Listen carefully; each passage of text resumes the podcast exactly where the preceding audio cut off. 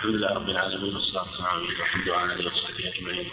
أولا ننبه على السؤال على الإخوان جزاهم الله خير بما يتعلق بالسؤال حديث ابن عمر. من طريق إسماعيل بن عياش عن موسى بن عقبة عن نافع عن ابن عمر. وجاب الإخوان مبين في الإجابات بعض الحديث أو لا يقرأ أو لا تقرأ الحائض ولا الجنوب شيئا من القرآن. وأن سبب ضعفه أن من رواية إسماعيل بن عياش عن موسى بن عقبة وموسى بن عقبة مدني وإسماعيل بن عياش كما هو مشهور عند الحديث أن رواية عن الحجاز ضعيفة. رواية عن الحجاز ضعيفة. وإن كان بنفسه هو صدوق لا بأس به. وروايته عن غيرهم مستقيمة. روايته عن غيرهم مستقيمة. فلأنه لم يضبط روايته أو حديثه فكان ضعيفا نسبة ليس ضعيفا ضعيف ضعف نسبي ليس ضعفا مطلقا. وبعض الرواة قد يكون ثقة ثقة بل يكون من رجال الشيخين كما تقدم لكن يكون ضعيفا بالنسبة إلى شخص إلى شيخ أو بالنسبة إلى بلد مثلا آه، أو بالنسبة إلى وقت من الأوقات كان مختلف مثلا في زمن وما أشبه ذلك هذا يقع كثيرا في الرواة فهذا هو الأثر في حاله كما ذكر الإخوان. نعم نبدأ درسنا.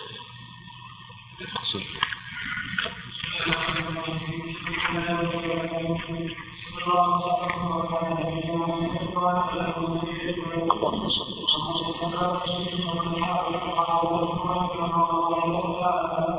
نعم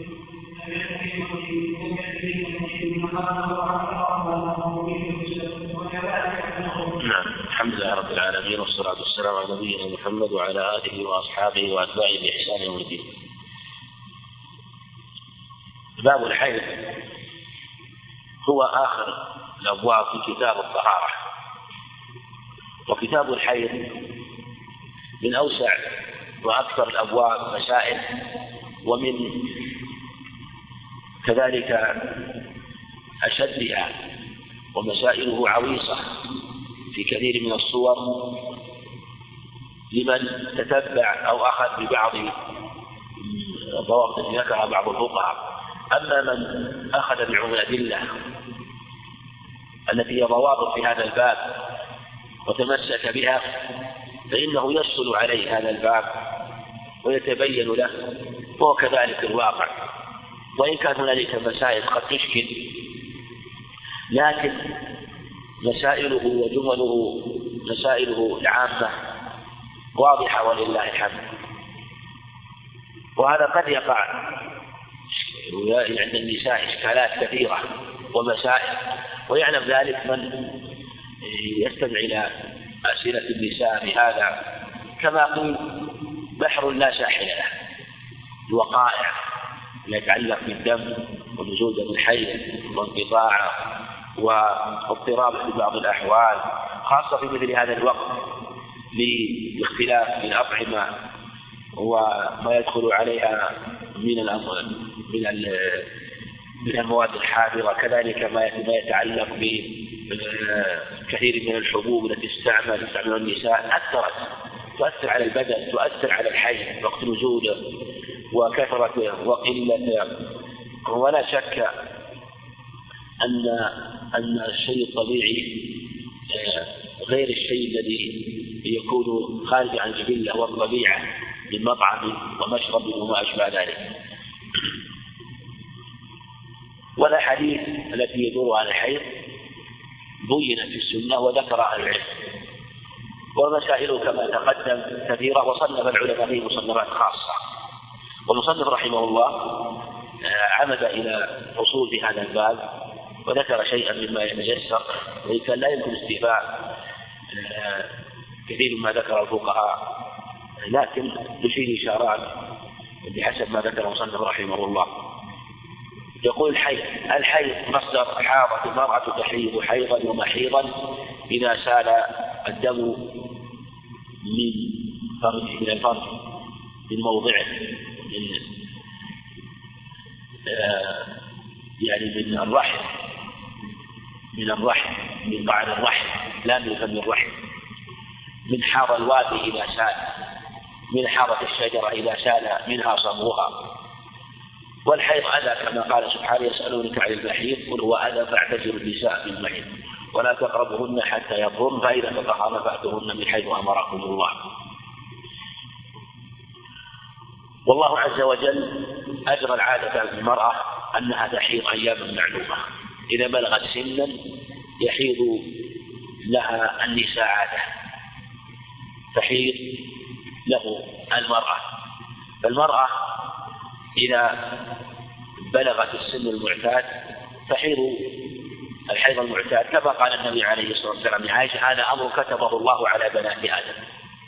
وبحكمته ورحمته سبحانه وتعالى أن المرأة إذا حملت انصرف دم الحيض فصار غذاء للجنين فلهذا لا تحيض الحافل على المشهور والأغلب وإن كان نقول على الأغلب وقد تحيض إذا كان شيئا مضرا فإذا وضعت المرأة وضعت المرأة صرف الله هذا ما ما بقي من دم الحيض صرف الله سبحانه وتعالى إن خرج منها ما يخرج من الدم والنفاس وينصرف بعد ذلك الدم يكون غذاء وغذاء للجنين ولهذا قلما تحيض المرضع تحيض المرضع فإذا وضعت المرأة وخلت من الرضاع والحبل يبقى هذا الدم محتبسا فيكون في المرأة أياما معدودة في كل شهر. في كل شهر أيام معدودة يكون هو يكون هو هو شهرها. ولكل امرأة عادة معينة أو لكل قوم نساء قوم عادة معينة ويختلف النساء في هذا بحسب الطبيعة وبحسب البلاد. فتارة يكون حيضها كثيرا وتارة يكون حيضها أقل لكنها تحيض عادة ستة أيام سبعة أيام أو أقل أو أكثر بحسب اختلاف العادة. هذا هو يعني الأصل في دم الحيض وفي خروجه وفي انقطاعه. وإذا يئست المرأة فإنها ينقطع عنها الحيض. والحيض جاء فيه سنن من حديث عائشة ومن حديث أم حبيبة رضي الله عنها. يقول مصنف رحمه الله لم يأتي في تقديره في تقدير أقله وأكثره ما تقوم بالحجة هذا إشارة إلى خلاف هذه المسألة وهو أقل الحيض وأكثره. الجمهور على أن أقل مقدر وأن أكثره مقدر على تفصيل طويل في هذا. فيقولون إن أقله يوم وليلة أربعة وعشرين ساعة. فإذا نقص عنها فليس بحيض ثم لهم شروط لبعضهم شروط في أقله إذا كانت مبتدأة. أول مرة يأتيها الحيض سواء صغيرة ثم نزل بها الدم لهم شروط في ثبوته ولهم شروط في قدره. والصواب كما ذكر المصنف أنه لا تحديد في أقله ولا تحديد آه، في آه، ثبوت الدم. فإذا خرج الدم المعتاد في السن الذي تحيض فيه المرأة عادة وهي تسع سنين أو أكثر.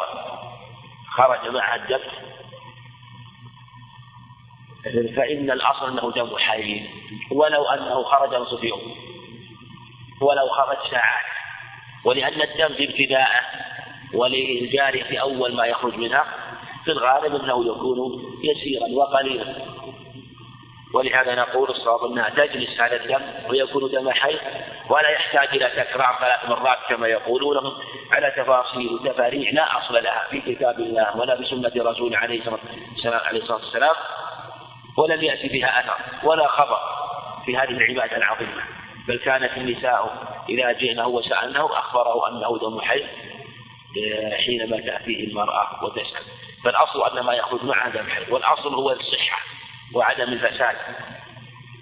لأن الحيض دم صحة. والمرأة التي لا تحيض هذا نقص. ما يخرج معها الأصل أنه دم طبيعة وجبلة إلا أن يثبت خلاف ذلك. فلو أنه كانت امرأة أول مرة تحيض خرج معها الدم بالسن المعتاد على صفات دم الحيض نقول تجلسه. ولو كان أقل من يوم ولو نصف يوم عشر ساعات أو ست ساعات. يقول ابن عباس ما رأى في الدم البحراني الدم يعني الكثير الذي يندفع يكون على جهة بعد من الحيض. وما رأته ولو ساعة يعني ولو وقتا يسيرا وذهب بعض العلم إلى أن الدفعة من دم الحيض حيض وهو قول مالك رحمه الله فهو حيض. فلو جاءها مثلا الحيض على هذا قبل زوال الشمس. قبل زوال الشمس وانقطع بعد غروب الشمس. سقطت عنها صلاة الظهر والعصر ولا يلزمها قضاء لأنها حائض. هذا هو الصواب ولا دليل على خلاف ذلك. ولا يكلف النساء فوق طاقتهن فذكروا تفاصيل كثيرة وعويصة يعني يضعف عن إثقالها وعن ضبطها. كثير من المتقنين الضابطين فكيف في المرأة الضعيفة المسكينة تؤمر بهذه الأشياء وتتبع؟ هذا لا لا يمكن. ولهذا كان الصواب في هذا ما ذكر المصنف رحمه الله أنه لا تقدير لأقله كذلك أيضا لا تقدير لأكثره ولو أن امرأة نزل بها الدم واستمر عشرة أيام أو خمسة عشر يوم. الجمهور يقولون خمسة عشر يوم وقيل سبعة عشر يوم. مع أن لم تفصيل خمسة عشر يوم ليس على كل حال. فلو كانت تحيض خمسة أيام ثم زاد عن خمسة أيام يقولون تبقى إلى خمسة عشر يوم على من قال تحيض خمسة أيام وما زاد عن خمسة أيام ينظر. إن كمل خمسة خمسة عشر يوم فما دون لابد أن يتكرر. هذا الزائد ثلاث مرات. كما يتكرر مع المبتدئة والمبتدأة وإن زاد عن سبعة عشر يوم فلا يكون أو خمسة عشر يوم يتبين أن استحاضة ثم يأمرونها بالصلاة أو الأمر احتياط. إلى غير ذلك. وتفاصيل يعني حتى يتحقق لها أنها حي. المقصود كما تقدم أن هذا كل أن هذا كله لا يصح وأن الصواب ما تقدم في أقله كذلك في أكثره. وعن هذا قد يطول الحيض عند بعض النساء يطول الحيض عند بعض النساء وفي العادة أنه إذا قال كثر الحيض كثر طهورا فلا تقدير لأقله ولا لأكثره. لكن إن تبين أن هذا الدم أن استمر بها لسبب أو يمكن أن يحال على شيء من الأشياء يعمل به. وإلا فإننا نقول إن الأصل أنه دم عادة وجبلة قال وهو لم يأتي في تقدير أقل أو أكثر ما تقوم به الحجة. وكذلك الطهر. أما أكثر الطهر هذا ما في ما في إشكال لا حد لأكثر بلا خلاف لأن بعض النساء قد لا تحيض أصلا. كذلك أيضا لا تحديد لأقل الطهر. هم قالوا أقله ثلاثة عشر يوم. أو خمسة عشر يوم على الخلاف في أكثره ولهذا قالوا إنه لو قال إنها حاضت ثلاث حيض في شهر لا بد أن تأتي البينة. نحن نقول إن إن المعتاد المرأة في الغالب أنها تحيض في الشهر مرة في الغالب. في الغالب. وشهر المرأة هو الشهر الذي يجتمع لها فيه ماذا؟ طهر وحيض. طيب. هل هل يلزم أن يكون شهر أن يكون ثلاثين يوم وتسعين يوم؟ أو قد يكون أقل. قد يكون أقل. مثال مثلا. مثال. خمسة أيام. ثم تطهر مثلا. مثلا. ثم تعيد. يعني إذا جمعت الطهر مع الحيض خمسة أيام. نعم. يعني ممكن تكون أقل. قد تحيض مثلا خمسة أيام. و وتطهر خمسة عشر يوم. شو كم كم كم شهرها؟ يكون شهرها عشرين يوم. يكون شهر عشرين يوما شهر المرأة هو الشهر الذي يجتمع لها فيه طهر وحيض. فقد يكون الشهر كثير وقد يكون آه، قليل حسب هذا هو شهر المرأة. مو بشهرها شهر كامل. لا الشهر هذا لا. شهرها والذي تجتمع لها فيه طهر وحيض. وعلى هذا لو كان شهرها مثلا عشرين يوم فقد تحيض ثلاث حيض في شهرين أليس كذلك؟ يعني تحيض خمسة أيام تطهر عشرين تحيض خمسة تطهر عشرين تحيض خمسة تطهر عشرين. فهذا يكون حيضها تكون أقراؤها تمت في كم؟ في ستين يوما اللي هو مقدار شهرين. هذا هو أكثر هذا هو آه، أقل الصحيح في أقل الظهر. نقول إنه لا حد لأقل على الصحيح. لا حد لأقل ولهذا ربما تحيض امرأة من خمسة أيام وتطهر عشرة أيام أيضا. وعشرة أيام. إذا ثبت ذلك وأنها طهرت. ثم بعد التحرير خمسة أيام تطهر عشرة أيام. لكن لا بد أن يكون هذا ثابتا ببينة بيقين. ثابتا ببينة ويقين خاصة إذا كان ليس لها عادة. لهذا يقول لما جاءت علي رضي الله عنه امرأة ادعت أنها حاضت ثلاث أيام في شهر فأمر شريح أن يقضي فيها. لما ادعت أن حاضت شهر. أمر شريح أن يقضي فيها. قال إن جاءت بينة من بطانة أهلها إن جاءت بينة من بطانة أهلها فهو كذلك. قال علي رضي الله عنه قالون. إيش معنى قالون؟ جيد جيد. يعني جود علي رضي الله عنه. لأنها إذا جاءت بشيء خلاف العادة فيحتاج إلى دليل يبين يبين خلاف العادة. وهذا مثل ما تقدم يبين لنا أنه ربما تحيض في هذه المدة. وإذا كانت تحيض في هذه المدة قد يعني قد يكون أيضا آه، أقل منها قد يكون أقل منها. لكن هذا آه، لابد أن يكون ثابتا مضبوطا عند المرأة حينما تدعي. وكذلك الظهور لأن هذا كما تقدم الأصل فيه أنه يعود إلى العادة والجبلة. ما في شيء نرجي نرجع الناس إليه. ولم يأتي عن النبي عليه الصلاة والسلام تقدير ذلك. وما جاء من أخبار ذكرها بعضهم فإنها لا تصح في هذا المعنى. فالصواب من أن يرجع إلى العادة. وعلى هذا كل امرأة يكون لها عادتها وظهورها عادتها في طولها وحيضها. وبالغالب أن النساء المتقاربات مثلا في السن أو النساء من بلد ما يتقارب. ولهذا أمر المستحاضة يعني المستحاضة المستحاضة التي تضطرب حيضتها وليس لها عادة ولا تمييز تتحيض عادة نسائها عادة نسائها من أخواتها وقراباتها لأن الغالب أنها تشبه قراباتها نعم. نعم.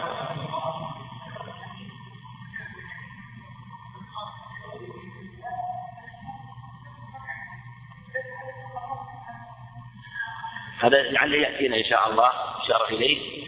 وهذا في في مستحاضة خاصة. هذا ليس حدا محدودا لكل هذا في المستحاضة التي اضطربت وهذا لعله يأتينا إليه إن شاء الله. نعم.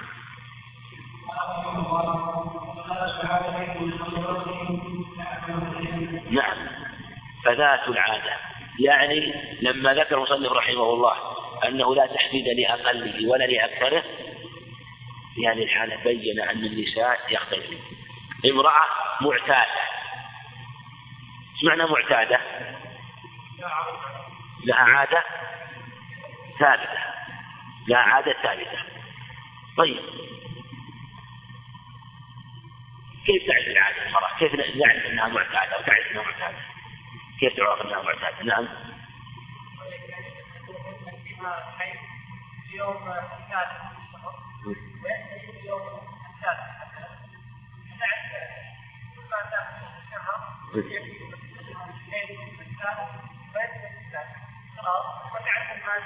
يعني يكون عرفت وقت الحيض وعدد حيض. يعني ماذا يجب أن تعرف وقت حيضها ها؟ بعد؟ وأيامها العدد هذا هذه معتادة المعتاد تعرف العدد والعدة. يعني عدد أيام الحيض ووقت أيام الحيض. كما هذا فذات العادة المتقررة. يعني تكون عادة منضبطة. منضبطة. لكن هذا يشترط هذه العادة أن تكون تأتيها مثلا مثلا في واحد من الشهر. أن يكون في نفس التاريخ. أو لا يضر. نعم. قد مثلا تتقدم له. نعم. نعم ما تنتقل انتقال كلي. يعني صحيح. يعني نقول على هذا نقول إنها آه لو تقدمت مثلا يوم تأخرت يوم لا يضر. ولهذا ربما تتقدم مثلا يوم. ثم الثانية تتقدم يوم. أو بالعكس تتاخر يوم. ثم بعد ثلاث. ثلاثة أشهر بعد أشهر قد تنتقل العادة بالكليه بدل ما هي مثلا في واحد من النساء تكون في عادة واحد من النساء ففي من النساء ربما تنتقل من ذوات العادة. هذه تعتبر من ذوات العادة. ربما قد يكون من سنه من السنوات حيضها في شهر محرم. في أول محرم. السنة الثانية قد ينتقل إلى صفر. يعني في 12 يعني جاءت العادة 12 مرة مثلا؟ فقد تتأخر كل مرة يوم ويومين فلا يأتي الشهر السنة الثانية إلا وقد انتقلت إلى شهر آخر. هذه ما تعتبر عادة لأنها تنتقي شيئا فشيئا وهذا لا يضر. هذا لا يضر. ولهذا النساء في عهد النبي عليه الصلاة والسلام من النساء المعتادات كنا ربما استنكرنا الحيض في بعض الأوقات. والنبي عليه الصلاة والسلام يجعل هذا عادة. عائشة رضي الله عنها لما جاء دمها في الحج سكت لأنه تقدم. ما كانت تتوقع أن يتقدم. لكنه قريب من الوقت. هو تقدم قبل أن تأخذ العمرة. لكن كان في رحمة وحكمة في هذا الأمر وقع. لا أن تبين فيه أحكام وأمور للأمة ومصالح للأمة. إذا ذات العادة المتقى تعمل عليها، شو الدليل عليها؟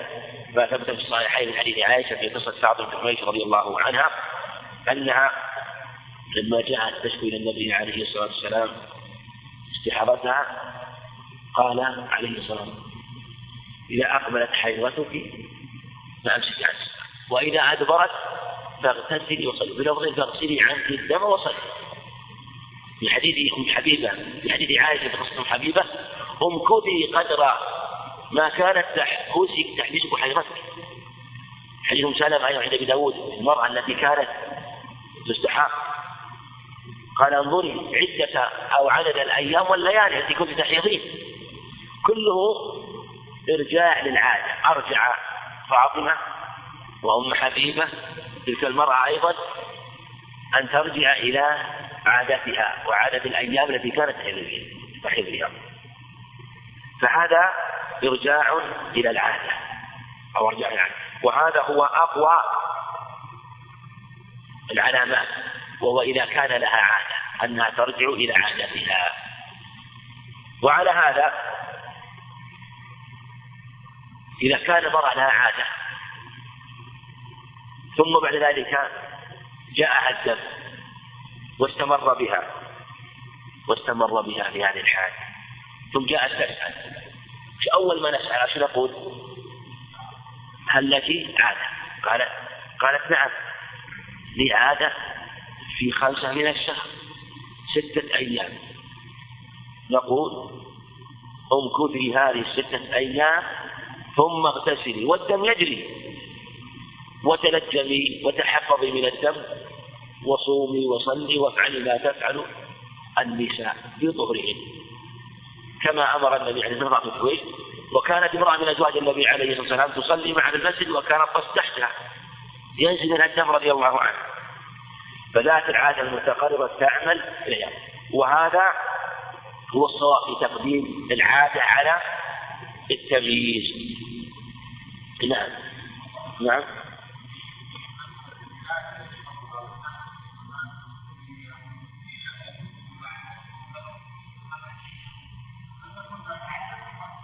نعم. يعني نقول لا يضر تقدم العادة وتأخرها زيادتها أو نقصها.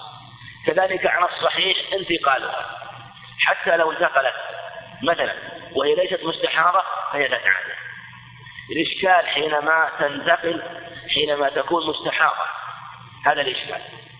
لكن لو فرض أنها مثلا بعض النساء ربما تحيض في شهر من الشهور في وسط الشهر ثم تتأخر عن العادة فجأة بدون يعني مو بيوم يومين تأخر العادة عشرة أيام. ثم جاء ثم نزل بها الدم بعد عشرة أيام. نسأل فنظر هل في شيء سبب؟ يعني هل عملت مثلا عملية مثلا تناولت الحبوب سألت الطبيب عن مثلا هذا الدم منهوش وهل دم جرح؟ هل هو بسبب مثلا هذه الحبوب أثرت في البدن وسببت جرح مثلا أو سقطت أو حصل لك شيء إيه، سبب خروج هذا الدم؟ قال أبدا هذا الدم هذه أعراض وهذا لو أحيانا قد تتأخر. بعض النساء في أيام الشتاء تتغير عادتها بعض النساء أحيانا ربما تنزل مع العادة إذا حملت شيئا ثقيلا. ربما أحيانا تنزل مع العادة و أو غير ذلك مثل ما أنه حينما تستجلب دم الحي بالحبوب مثلا أو تمنعه بالحبوب فالبدن يستجيب أحيانا لبعض العوامل يستجيب.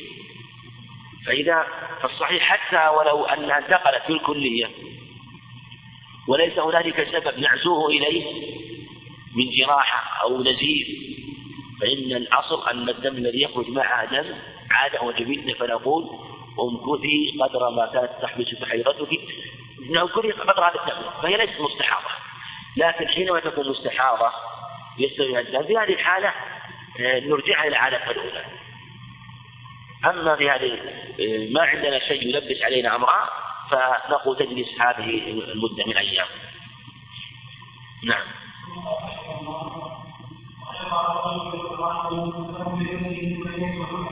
نعم. وغيرها غير من؟ المعتاد. ترجع إلى القرائن. إذا عندنا شيء علامة متميزة كالنص وهي العادة. وهنالك غيرها ترجع إلى القرائن. ما عندنا إلا قرائن. مع أن الحقيقة هذه القرائن دلت عليها الأدلة.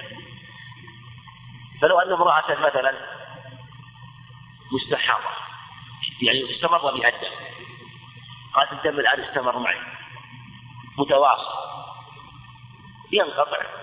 والدم قد ينقطع. ليس متواصل إنه ما ينقطع ابدا. لا. قد ينقطع من نصف يوم أو يخف لكنه متواصل. ولم ينقطع. استمر معه.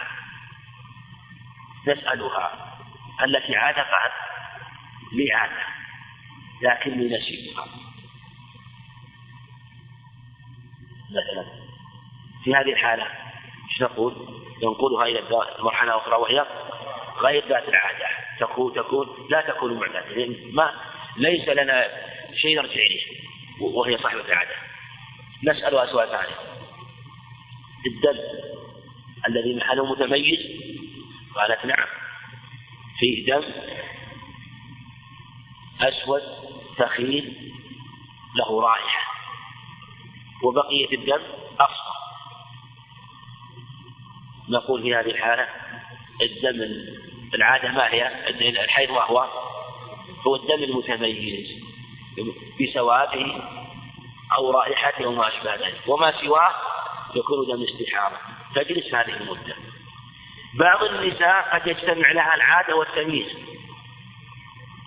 قد يجتمع لها العادة والتمييز. مثل الصورة الأولى معتادة مميزة. المعتادة كما تقدم معنا تجلس العادة. لو كانت المعتادة تنظر في في أيام عادتها دم دمها أصفر. وبعد العادة دمها أسود. وش الحيض؟ إيش يكون الحيض؟ الدم الأصفر ولا الأسود؟ الدم الأصفر. نعم. لأنها معتادة. ما ننظر إلى لون الدم. هذا القاعدة نجلسها أيام التي يكون الدم فيها أصفر. لأن عندنا يقين. النبي عليه الصلاة والسلام قال امكثي ما سألها عن الدم مصيبته قال امكثي قدر ما كانت تحبسك حيضتك انظري عدد الأيام وعدتها التي كنت تحيضين فيها. فأرجعها إلى العادة عليه الصلاة والسلام. فهذا هو المعتاد على كل حال مهما كان لونه. بعدها كما تقدم ذات القرائن التي تميز فإذا قالت لون الدم هي التي يكون الحكم للأسود هو المقدم. اللون اللي يتميز بسواده أو رائحته وما أشبه ذلك. فتجلس هذه الأيام. وما سواه يكون يكون استحاضة. طيب إذا انتهت هذه الأيام شو نقول؟ الواجب عليها أن تغتسل. حكمها حكم الطاهرات؟ فدم الحيض يتميز عن غيره. إذا تمييزه يكون بنا ولهذا قال النبي عليه الصلاة والسلام لحديث حديث فاطمة بن أبي حبيش عند أبي داود والترمذي وحديث جيد إذا كان دم الحيض فإنه أسود يعرف لفظ يعرف. أسود يعرف أو يعرف.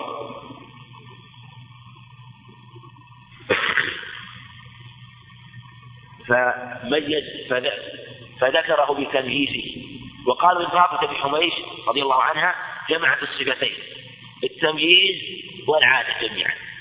إذا اجتمع الصفتان هذا ما في إشكال.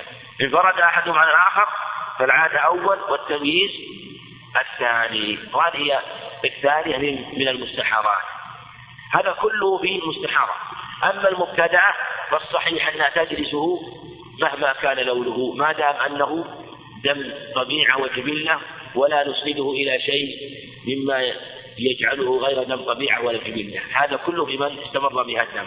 نعم.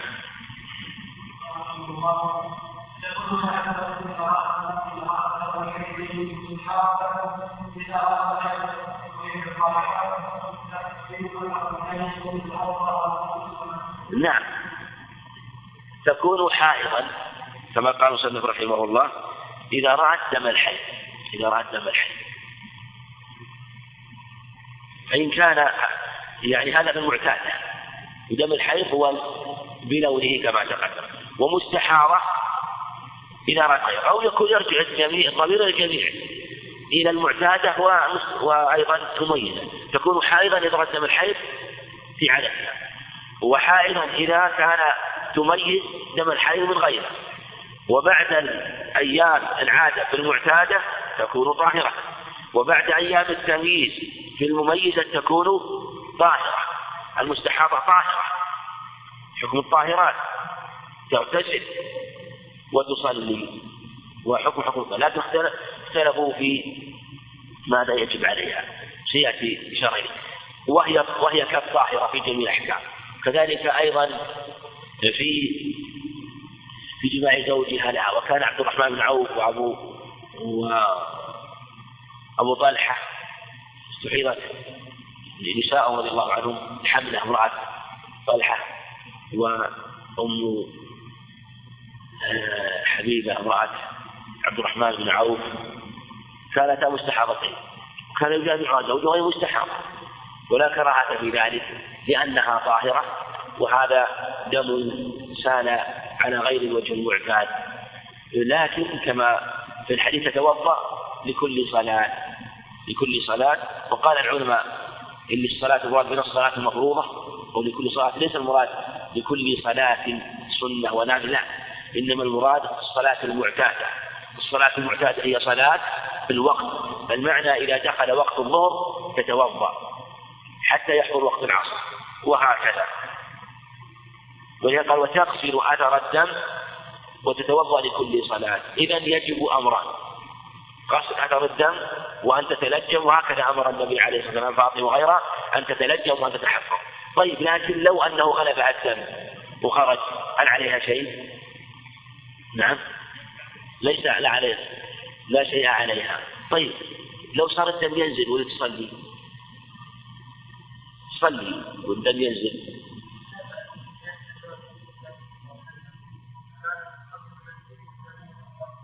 مثل نعم. نعم.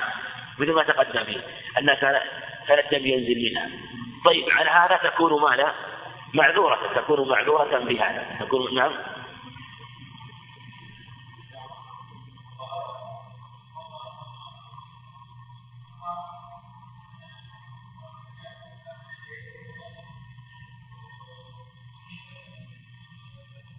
إذا توضأت للعشاء فيمتد تمتد طهارتها إلى طلوع الفجر. تمتد طهارتها إلى طلوع الفجر. يعني لأن الوقت وقت العشاء إلى نصف الليل على آه، الوقت المختار وإلى آخر إلى طلوع الفجر وقت ضرورة عند جمع من أهل العلم. لكن هل يجب عليها الغسل؟ أو لا يجب؟ نعم. لا يجب عليها الغسل. أحسن. يعني الغسل يكون مستحبا في حقه وليس واجبا. وجاءت أخبار في الأمر بالغسل لكن الثابت الصحيح الحديث أن النبي عليه الصلاة والسلام أمرها بالوضوء لكل صلاة. قال فكانت تغتسل لكل صلاة. تغتسل لكل صلاة. وجاء عند أبي داود من طريقين أنه أمرها بالغسل. وبعض جود الحديث بمجموع الطرفين. فإن ثبت الحديث فيحمل الأمر يحمل الأمر بالغسل على ماذا؟ الاستحباب. الجمع بينه وبين رواية الصحيحين أنه لم يأمرها عليه الصلاة والسلام بالغسل بل في الأخرى أمر أن تتوضأ لكل صلاة. ولهذا في حديث حديث حملة أمرها أن تجمع الظهر والعصر والمغرب والعشاء وأن تغتسل لكل صلاتين. قال إنه أحب الأمرين إليه لما أمرها بذلك عليه الصلاة والسلام. نعم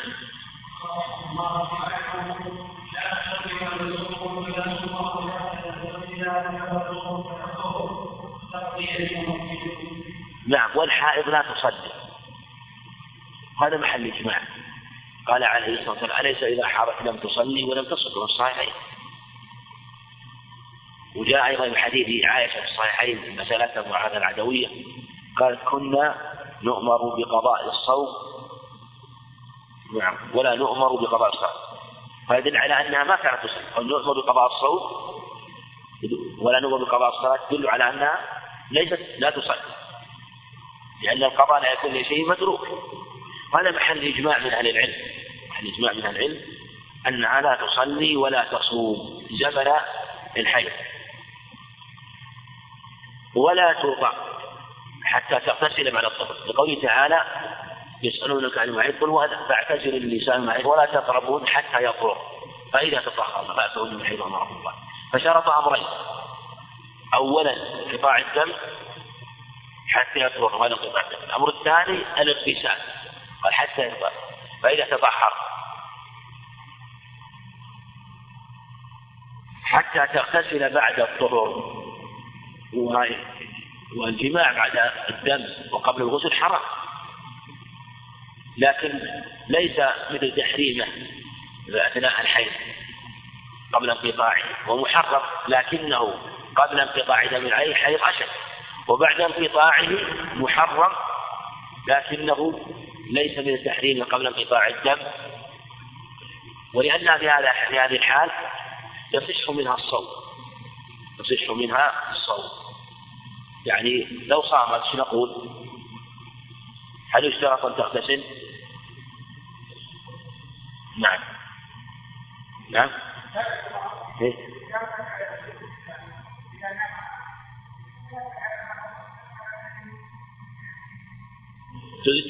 تدركه الصلاة من جنوب غير احتيام نعم.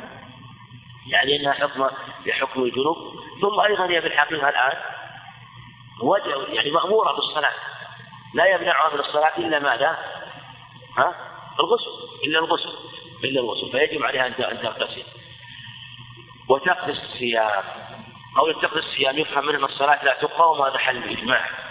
خالف في ذلك قوم من الخوارج من جهلهم. وكما تقدم في الأدلة قد نؤمر بقضاء الصوم ولا نؤمر بقضاء الصلاة.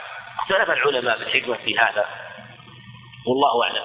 أبو الزناد وجماعة العلم يقولون إن إن وجوه الشرع تأتي كثيرا على خلاف الرأي. فلا يجد المسلمون بدا من اتباعها من ذلك أن الحائض تقضي الصوم ولا تقضي الصلاة فجعله أمرا تعبديا وأن قضاءها للصوم والصلاة أمر تعبدي إيش معنى تعبدي؟ يعني غير معروف حكمة نعم غير معروف لكن هل له له ماذا؟ هل له علة في نفسه ولا ما له علة؟ له حكمة ولا ما له حكمة؟ لا نعم له حكمة لا نعلمها. هو له حكمة. إذا قالوا تعبدي ليس معنى أنه ليس له حكمة وليس له معنى لا. وأننا أمرنا تكليف. يعني من باب الاختبار يمتثل ولا مثل بعض الناس ربما يأمر غيره يقول افعل هذا. قل لماذا قد تعلمت بس. نعم ليس عندي حكمة في هذا. الله عز وجل يتنزه أحكامه عنها سبحانه وتعالى. فأحكامه أوامر الحكم بالحكمة. لكن العبد ما يسأل ربه سبحانه وتعالى لا يسأل عما يفعلون يسألون. ولا يطلب لكل أمر حكمة. اللي يطلب لكل أمر حكمة لم يأتي بها الكتاب هذا يعبد عقله ويعبد هواه. العبد يقول سمعنا وأطعنا. الصحابة رضي الله عنهم لما نزل القرآن قالوا سمعنا وأطعنا غفرانك ربنا. وإليك المصير سمع وطاعة واستغفار. وعمل يعني لا يتطلبون شيء وراء ذلك. وهذا هو الواجب على المكلف. لكن إن ظهرت الحكمة فنور على نور. إن لم تظهر فمقام العبد مقام التسليم. وهذا معنى قول الأحكام التعبدية. التي لا تظهر حكمتها بعد الكلمة. وقد تظهر في الغير وقد لا تظهر مطلقا. ومن ذلك كما ذكر بعضهم في قضاء الصوم للحائض دون قضاء الصلاة. وبعضهم قال إنه له حكمة أن الصوم تقضيه والصلاة لا تقضيه قالوا إن قضاء الصلاة فيه ماذا؟ مشقة فيه مشقة وقضاء الصوم ها؟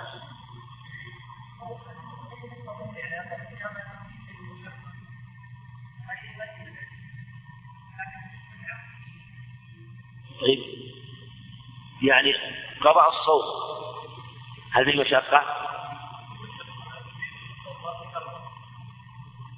وش وش وجهه؟ نعم. يعني كم تقضي الصوم مرة واحدة. مرة واحدة. نعم. نعم. نعم. نعم. نعم. نعم. يعني بالحقيقة الصوم مرة واحدة. لا لأن قول نقل الصوم يعني صوم الفرض وهو لا يغيب إلا مرة واحدة. فلو بلغ أنها حاضت في, في رمضان ستة أيام. شو الواجب عليها؟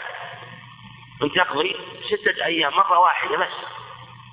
مرة. إلا لو وجب عليها صوم كفارة هذا شيء آخر. هذا وجب لعارف. لو كانت تصوم صوم كفارة مثلا حاضت ونقول إن صوم الكف... إن الحائض لا يقطع صوم الكفارة أو ما أشبه هذا شيء آخر. هذا وجب آه، بسبب هي لكن ما وجب بالشرع. أما لو أمرناها بقضاء الصلاة إيش تقول؟ كلما حاضت لأن الصلاة متكررة كل يوم وليلة. أما صلاة الفرض أما صوم الفرض فلا يتكرر بل هو مرة في السنة مرة في العام. هذا وجه. وهذا وهذا ظاهر الحقيقة. هذا ظاهر الحقيقة. الأمر الثاني الأمر الثاني أن المرأة في الحقيقة حينما ينقطع حيضها ينقطع حيضها حينما تحيض فلا تصلي حينما تحيض ولا تصلي. بعد ما تطهر وش تشرع في ماذا؟ الصلاة. الصلاة مشروعة نوافلها وفروضها. لكن الصوم لو قلنا لا تقضي الصوم فليس هنالك واجب مرة أخرى حتى تصوم بدله فلهذا الصلاة لها بدل لأن ما فات زمن الحيض يعوضه زمن الطهر مباشر لأن مجرد ما تطلب أول صلاة تأتيها تلزمه تلزمه. ثم تلزمه أما الصوم فلا. فإذا طهرت فليس هنالك صوم فرض إلا مرة واحدة فكان من الحكمة أن تتم هذا الصوم فيحصل لها صوم الدهر صوم الشهر مع ما تيسر من صوم نفل كشوكة ست من شوال فيكون لها صوم الدهر.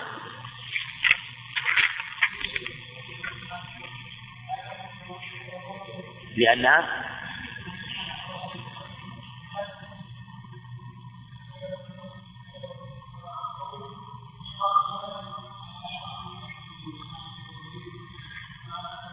نعم.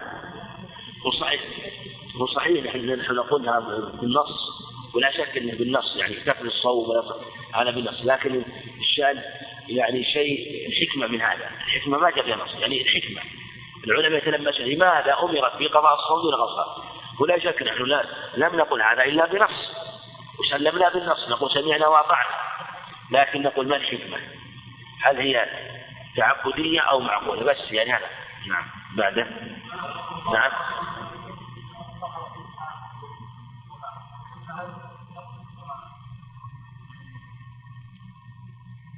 هذه المسألة هو عندنا مسألتان ابتداء الحيض وانتهاءه ابتداء الحيض فلو حاضت مثلا لو دخل وقت الظهر وهي طاهرة. ثم حاضت في بعد دخول وقت الظهر وهي لم تصلي. هذا حال. يعني ما ذكر الصلاة أليس كذلك؟ ثم طهرت مثلا بعد دخول وقت الظهر بعد سبعة أيام. فلا شك الوقت الذي طهرت فيه أو أو طهرت مثلا مثلا بعد صلاة العصر. طهرت بعد صلاة العصر. فلا شك أن وقت العصر تقضيه بلا بلا خلاف. خاصة إذا كانت أدركت ركعة فما فوق. وإن كان أدركت أقل من ركعة هذا موضع خلاف. لكن إذا أدركت وقتا تقضي به الصلاة تقضي وقت العصر. لكن هل تقضي معها الظهر؟ الجمهور تقضي الظهر والأحناف قالوا لا وهل تقضي الظهر من اليوم الذي أدركها في الحيض والعصر الذي يجمع إليه؟ هذا أيضا الصواب أنها لا تقضي ذاك الظهر خاصة إذا كانت لم تفرق إن كانت لم تفرق فلا قضاء فلو أن امرأة دخل عليها وقت الظهر ثم حاضت في أول وقت بلا بلا تفريق منها فطهرت الصحيح أنه لا تقضي ذاك ذاك الوقت الذي دخل عليها ثم حاضت قبل أن وكذلك أيضا الصحيح أن وقت الظهر الذي مضى زمنه وهي حائض وخرج وقت الظهر حائض ثم دخل وقت العصر الصحيح أنه لا يلزمها قضاء الظهر. وهو قول أهل الكوفة. خالف الجمهور وحكى عبد الرحمن بن عوف وأبو هريرة عن جمع من الصحابة. شيخ الإسلام رحمه الله يقول في من هذه السنة النبوية يعني ذكروا كلام موضوع نظر الحقيقة. قال إنه يكاد يكون موضوع من محل اتفاق بين الصحابة أنه يلزمها ان تقضي الظهر مع العصر. وقال ان إن ما ذكره الصحابة عبد الرحمن بن عوف وأبو هريرة حكاية عن عن عن جماعة فيكون كأنه اتفاق. لكن هذا في نظر الأول ينظر في صحته واللي يعرف واللي أحفظ و يعني بلا يعني في, الأثر عن عبد الرحمن وعن أبي هريرة رضي الله عنهم الذي يعرف ويحفظه أنه لا يثبت عنهم. ما لا يثبت عنهم وليس فيه إجماع. ولهذا كان قول الكوفة قوي أنه لا تقضي إلا العصر. لكن لو قضى احتياطا لا بأس بذلك. أخذا بقول الجمهور. نعم. نعم. غسل. إيه.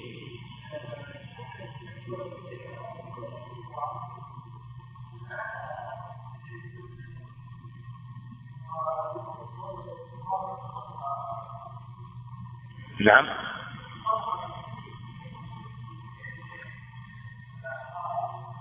لا منع عنها قول ضعيف لأن لأن رواه البخاري أولا هي ثم نفس البخاري رحمه الله في نفس هشام بن عروة الراوي له عن أبيه عن عائشة قال وتوضئي لكل صلاة.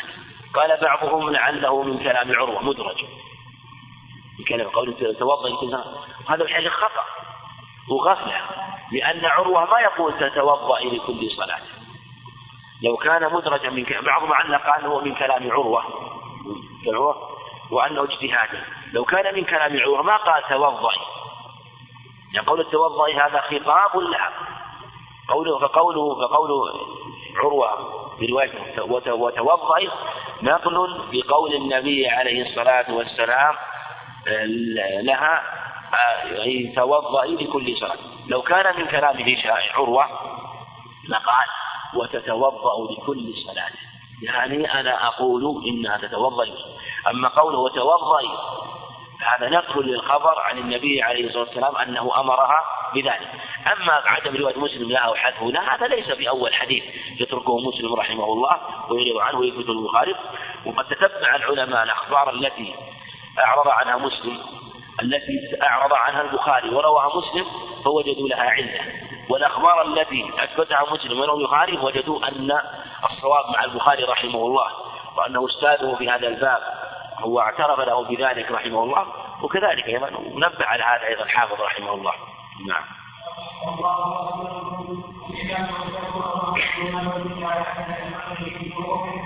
نعم وقف على هذا قول الناس؟ والني فصل يعني مما قبله من الحيض وذلك أن النفاس حيض حقيقة. فهو حيض مجتمع. وأجمع العلماء على أن أحكام النفاس أحكام الحيض إلا في مسائل مثل مسألة خروج من العدة فإنه لا تخرج به من العدة المرأة. فالنفاس حيض محتبس. والمرأة إذا حملت في الغالب احتبس الدم احتبس الدم يكون غذاء للجنين. ثم إذا ولدت خرج الدم خرج ما بقي. ثم بعد ذلك إذا أرضعت يكون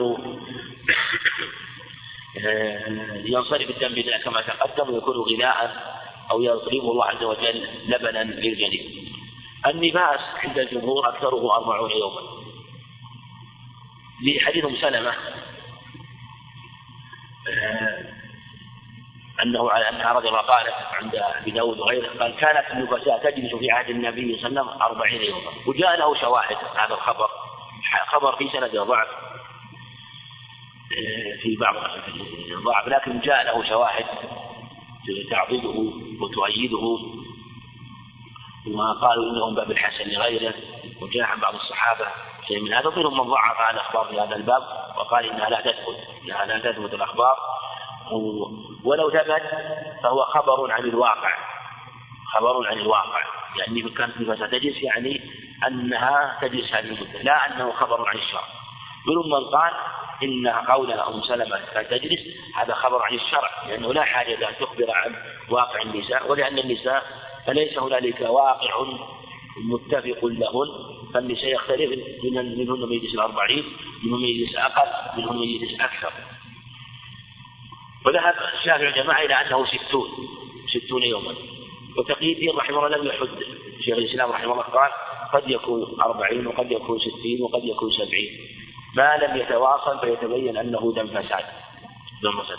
والجمهور على على أنه يحد بأربعين. وبالجملة أربعون هو الأغلب. الأربعون الأغلب لكننا نقول إن ليس معنى نقول إذا قلنا أن إنه أربعون أن بمجرد مضي الأربعين تكون طاهرا إذا كان أصله وهو اللي هو دم الحي اللي وردت فيه النصوص والأخبار في بعضها امكثي ستة أيام وسبعة أيام ونحن ما أشرنا إليها في التي لا عادة ولا تمييز وهي المرأة التي لا عادة ولا تمييز.